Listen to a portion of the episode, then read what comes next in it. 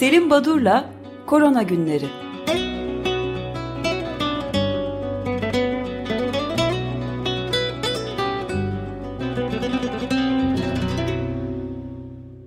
Günaydın Selim Badur, merhabalar. Günaydın, günaydın efendim. Günaydın. Feryal, günaydın. Herkese iyi sabahlar ve iyi haftalar dileyim.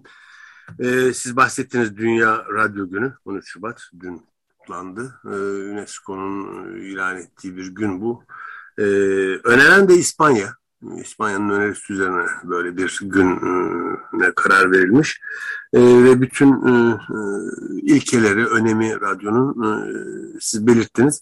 Ama ben bir tek cümleyi eklemek istiyorum müsaadenizle. Lütfen. Tüm seslerin kendilerini ifade edebilecekleri bir mecra diye de bir ifade var UNESCO'nun bu gün ile ilgili yaptığı açıklamada. Ama bu slogan tüm seslerin kendilerini ifade edecekleri mecra ifadesi hani kainatın tüm seslerini açık radyo UNESCO bugünü 11 yıl önce e, ilan etti. E, Açık Radyo 26-27 yıl oldu. E, UNESCO araklamış yani sizden. E, bunu belirteyim, belirteyim dedim. Bu kainatın tüm seslerini Açık Radyo sloganıdır. Şimdi koronavirüsle ilgili e, gelişmeler e, olgu sayısı tüm dünyada 411 milyonu aştı. Yaşamını yitirenlerde 6 milyona yaklaşıyor. 5 milyon 815 bini geçti. Günde bir haftadan beri ortalama 2 milyon 405 bin kadar olgu var. Yani 3 milyonlardan biraz azalma var. Ee, Türkiye e, yine son 28 gün içindeki olgu sayılarına bakarak söylüyorum bunu. 10. sırada 13 e, milyona yaklaşan e, hasta ve 90.542'de yurt dışı yitilmiş bir ülke. Küresel boyutta baktığımızda geçen haftaya oranla %17 oranında azalma var olgu sayısında. Buna karşılık bazı ülkelerde durum böyle değil. Coğrafi farklılık gösteriyor gerçekten hastalığın seyri. Bu bildirimle ilgili bir sorundan, testlerle ilgili bir sorundan mı kaynaklanıyor yoksa gerçekten hastalığın yoğunlaştığı coğrafyalar zaman içinde değişiyor mu? Bunu herhalde e, yapılacak, yapılacak çalışmalar gösterecek ama e, örneğin e, Orta Doğu'da bütün dünyadaki yüzde 17'lik bir azalmaya karşın Orta Doğu ülkelerinde çok ciddi bir artış var. İkinci büyük artış da Rusya'da. E, günlük olgu sayısı 203 bin kadar idi dün Rusya'da. Ee, Rusya'da çok artış var. Ee, Orta Doğu ülkelerinde çok artış var. Ee, Japonya Japonya'da e, herhalde e, olguları bir türlü kontrol altına alamıyor ki kısıtlamalarını 3 hafta daha uzattı. Ee, özellikle Orta Doğu'da artış var dedim. Orta Doğu'nun %35'i e, tam aşılı. Ee, ama oran ülkeler arasında çok değişken. Genel olarak %35 desek de ülkeler arasındaki fark %1'den %94'e kadar değişiyor tam aşılıların oranı. Ee, gerçekten çok heterojen bir dağılım var. Yani e, sorun e, gelişmiş Avrupa ülkelerinden yavaş yavaş gelişmekte olan ülkelere ya da e, orta e, gelir düzeyinde olan ülke grubuna doğru kaymakta. Bu önemli bir nokta diye düşünüyorum. Çünkü e, aynı zamanda e, baktığımda hükümetler ve uluslararası kuruluşlar artık ortak bir hedefte anlaşmış görünüyorlar sanki. O da e, en azından sözel olarak pandeminin sonuna doğru geliyoruz. Bu bir endemik hastalığa dönüşüyor e, yaklaşımını yaygınlaştırmak, bunu e, kabul etmek. Biraz erken e, söylediğimi, bu yaklaşıma ait yorumu erken yaptığımı biliyorum. Ama sanıyorum önümüzdeki aylar eğer çok büyük bir artışa yol açacak yeni bir varyant ortaya çıkmazsa böyle bir sürece girilecek ya da buraya doğru gitme eğilimi var ülkelerde. Ama endemik hastalık dediğiniz zaman bu endemi e, sanki ha iyi olacak o zaman endemik olursa falan gibi yaklaşılıyor da endeminin ne demek olduğuna bakmak lazım bunu. E, yani eğer hastalığın yeni enfeksiyonlarının e, sayısı sabit kalıyorsa endeminden bahsetmek mümkün de bu durum acaba çok masum, çok e, hafife alınacak ya da e, kanıksanacak bir durum mu diye bakıldığında şimdi şu anda dünyada e, üç tane endemik hastalık var. Birisi bir virüs enfeksiyonu olan HIV-AIDS, diğeri bir parazit enfeksiyonu olan sıtma, üçüncüsü de bir bakteri enfeksiyonu olan tüberküloz.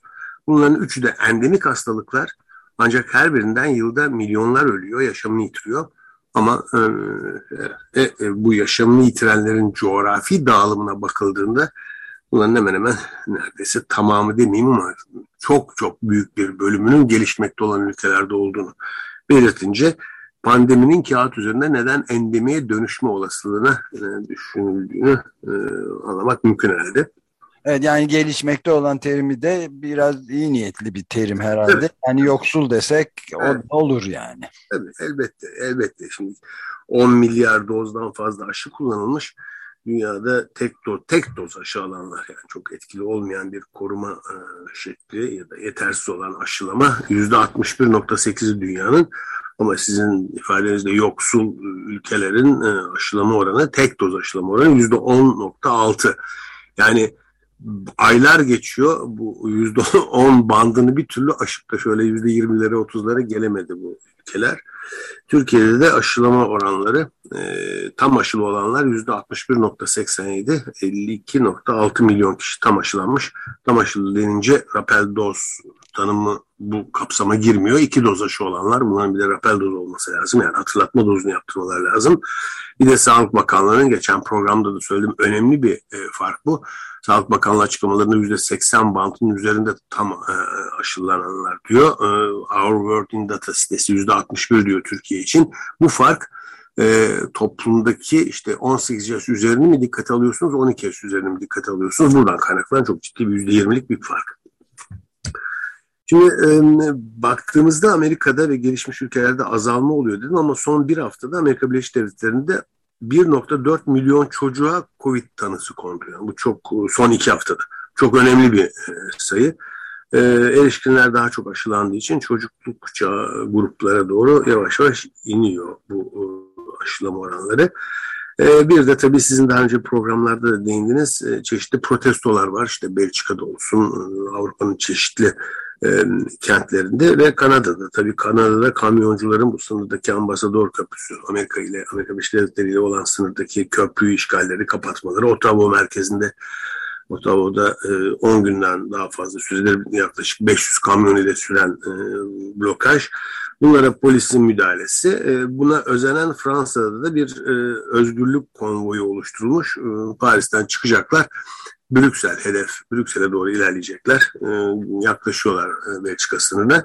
Destek veren de e, Marine Le Pen ve partisi onlar destekliyorlar. E, oldukça heterojen bir grup yani aşı ya da e, HES koduna onun muadili olan e, kodlara karşı çıkanlar olduğu gibi işte e, iş yerlerinin kapatılmasına karşı çıkanlara kadar birçok e, farklı görüş bu protestolarda, bu yürüyüşlerde, bu boykotlarda yer almakta. Şimdi e, bu arada önemli bir iki açıklama var. Onlara değineyim sonra tek tek minik olaylara bakmak istiyorum.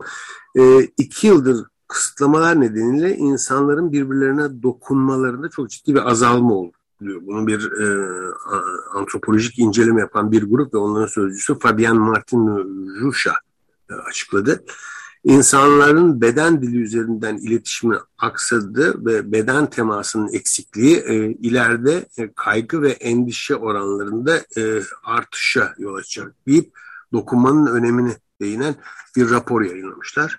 E, dikkate alınabilir. Tabii bunu benim konu değil ama e, üzerinde durulması gereken bir nokta. E, ama daha önemlisi bence temel haklara ulaşım azalıyor şeklinde bir rapor e, yaklaşık 400 kadar Avrupalı e, ağırlıklı olarak Fransız ve Belçikalı e, akademisyen, sendika lideri ve sivil toplum örgüt temsilcileri imzalamışlar. Yaşanan süreçte e, ülkede sağlık sistemin ile birlik e, ülke ile ülkeler ile sağlık sistemlerinin birbirlerine böyle pamuk ipliğiyle bağlı olduğunu e, aralarındaki ilintinin çok zayıflamış olduğunu yıllardan beri değiniyor bu rapor. Ve diyorlar ki tükenen kamu hastaneleri çalışanları kafkavari koşullarda öğrencilerini eğitmeye çalışan devlet okulları hocaları yani kısaca kamu çalışanlığı ile vatandaş ilişkisi tarihi bir kırılma yaşıyor diyorlar ve e, gelecek ile ilişkimiz hasar gördü. Sonuçta e, kamu hizmetlerinin ve kamu hizmetlerinin öneminin e, nedenli e, büyük olduğunu, e, önemsenmesi gerektiğini ve bunun azaltıldığını, özellikle kamu, e, halk sağlığı konusunun, sağlık açısından baktığımızda nedenle önemli olduğunu daha iyi anlaşıldığını ve yöneticilerin bu kamu sağlığına ve kamu ile ilgili kararları yavaş yavaş azaltmaları, bunu küçümsemeleri, yatsımalarının ne kadar yanlış olduğunun bu pandemi sırasında görüldüğünü ve bunun tekrar gündeme getirilmesi gerektiğini altını çiziyorlar. Sonunda da bitirirken şimdiye kadar yapılan tüm tercihler politik tercihlerdir. kamu hizmetleri bizim geleceğimizdir ve iklim krizinden gençlerin eğitimine, yaşlılar bakımından tüm sağlık hizmetlerinin tümü bütçe kısıtlanarak kısıtlamalarına takıldı bunlar. hani bu bütçeler gerekçe gösterilerek yani giderleri gerekçe gösterilerek kar e, söz konusu olmayan sektörlere böyle e, uzaklaşılması ve e, kamusal hizmetlerin küçümsenip yatsınmasının e, sonuçlarının çok ileride ağır olacağını söylüyor. Önemli bir rapor herhalde bunun devamı gelecektir. Şimdi bu arada bir e, haberi e, bu haber üzerinden e, bir e, bilgi aktarmak istiyorum.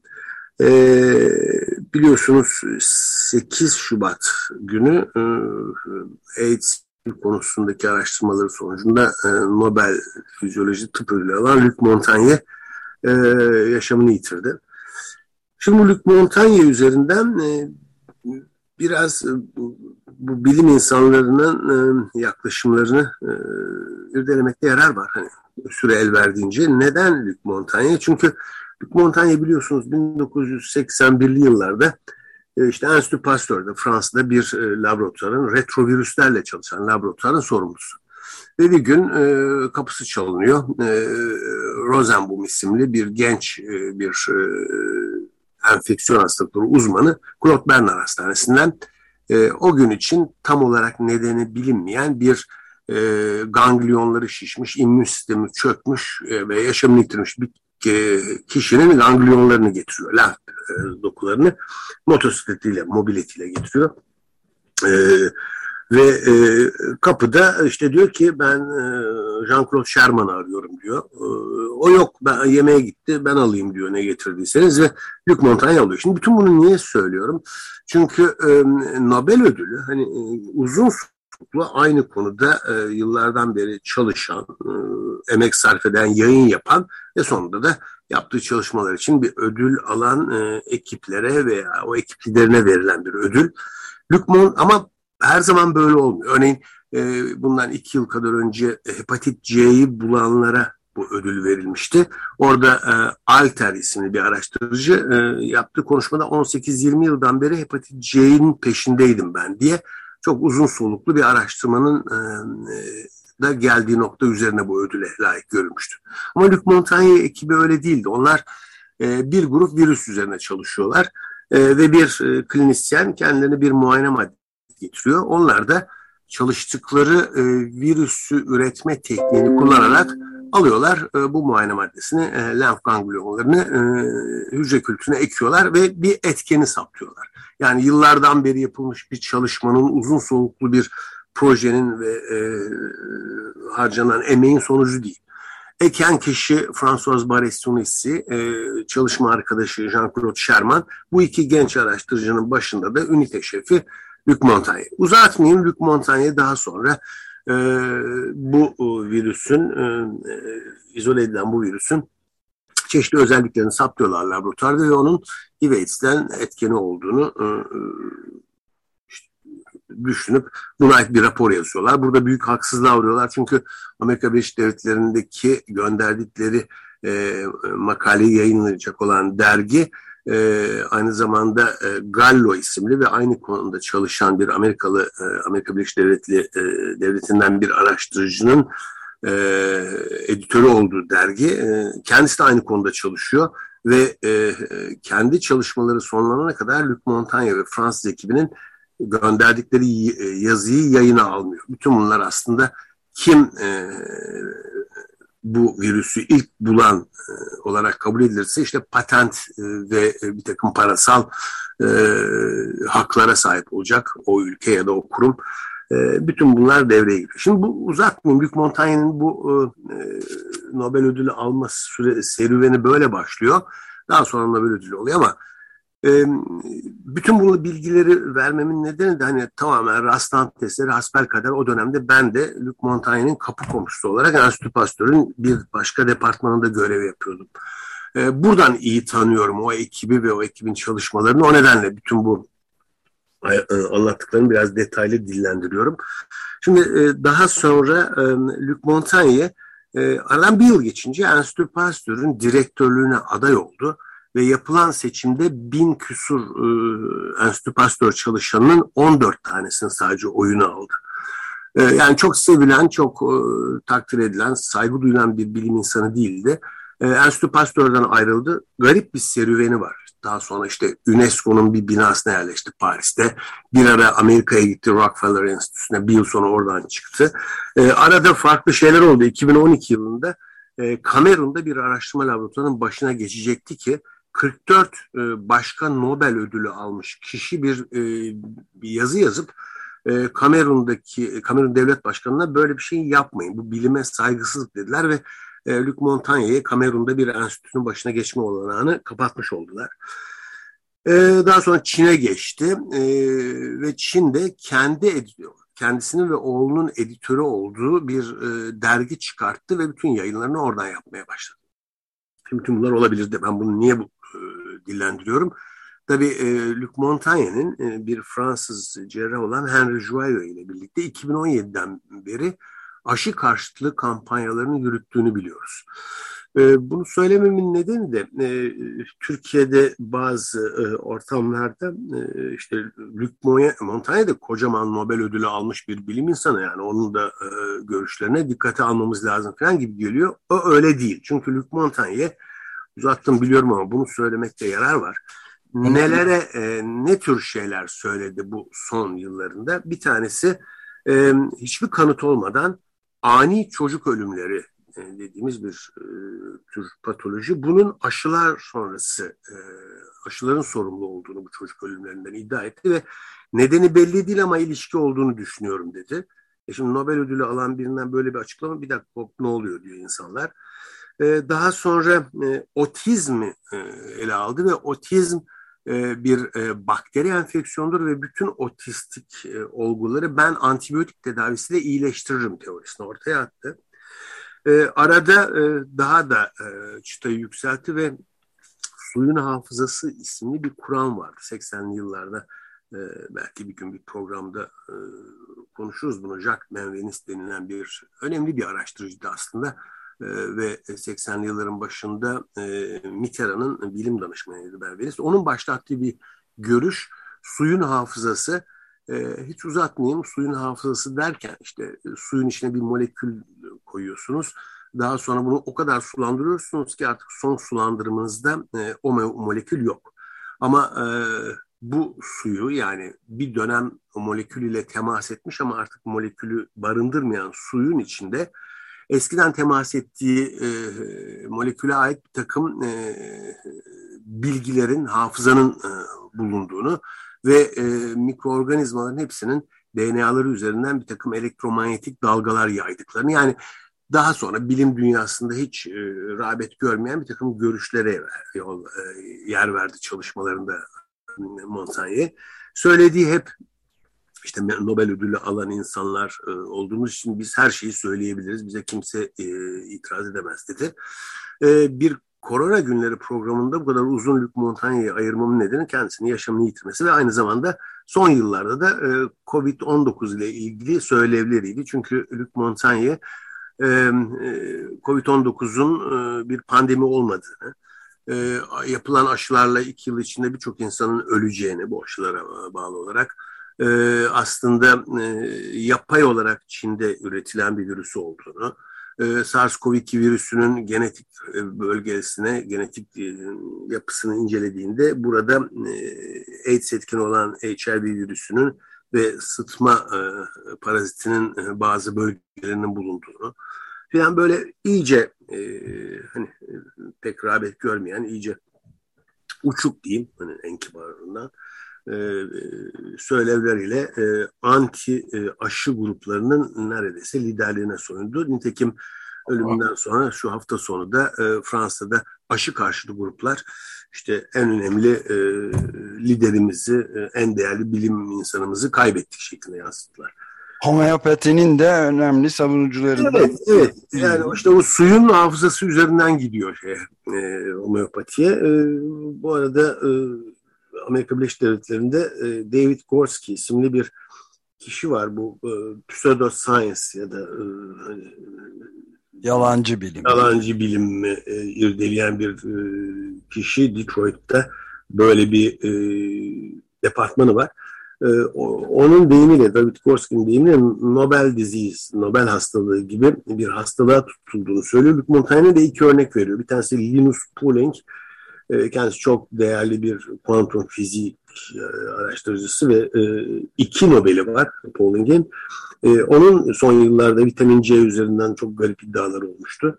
E, bir diğeri de e, etolog Nicolas Tingerberg. O da otizmin özellikle frigid kadınların doğurduğu çocuklar olduğunu, otistik çocukların söylemişti. Yani bunlardan Nobel ödülü alıp birazcık hani e, uçuk e, düşüncelere savunma zorunda hisseden herhalde kendilerini insanlar. Bu, buradan işte Luc Montaigne'yi e, hatasıyla, sevabıyla, günahıyla tüm yaptıklarıyla yine de HIV konusundaki e, e, hani buluşuyla diyeyim e, anmakta yarar var diye düşünüyorum ama e, bağladığım yerde bu e, COVID-19'a ait söylediği e, hani bilim, gerçek dışı e, bir takım iddialar.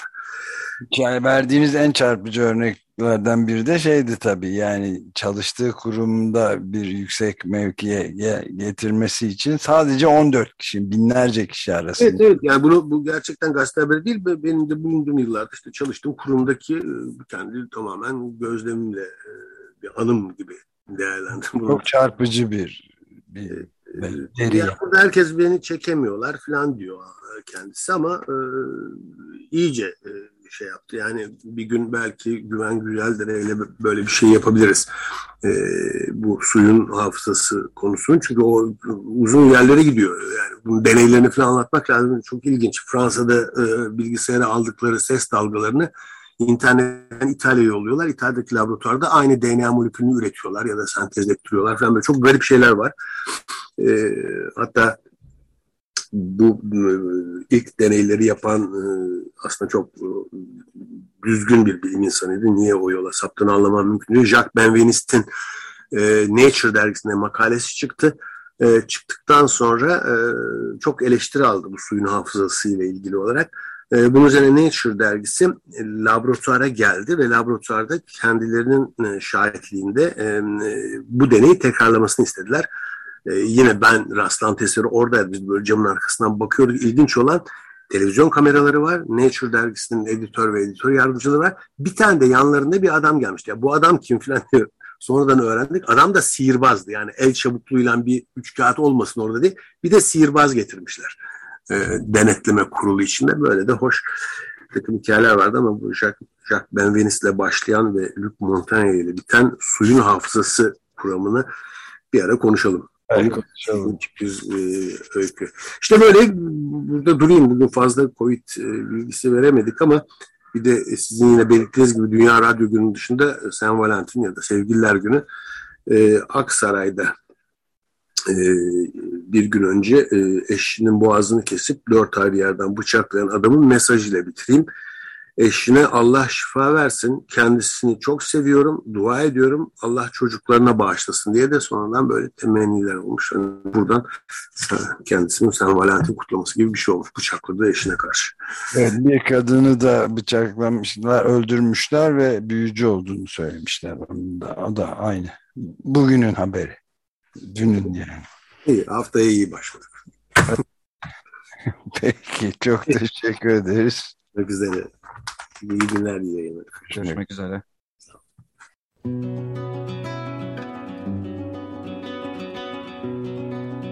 Selim Badur'la Korona Günleri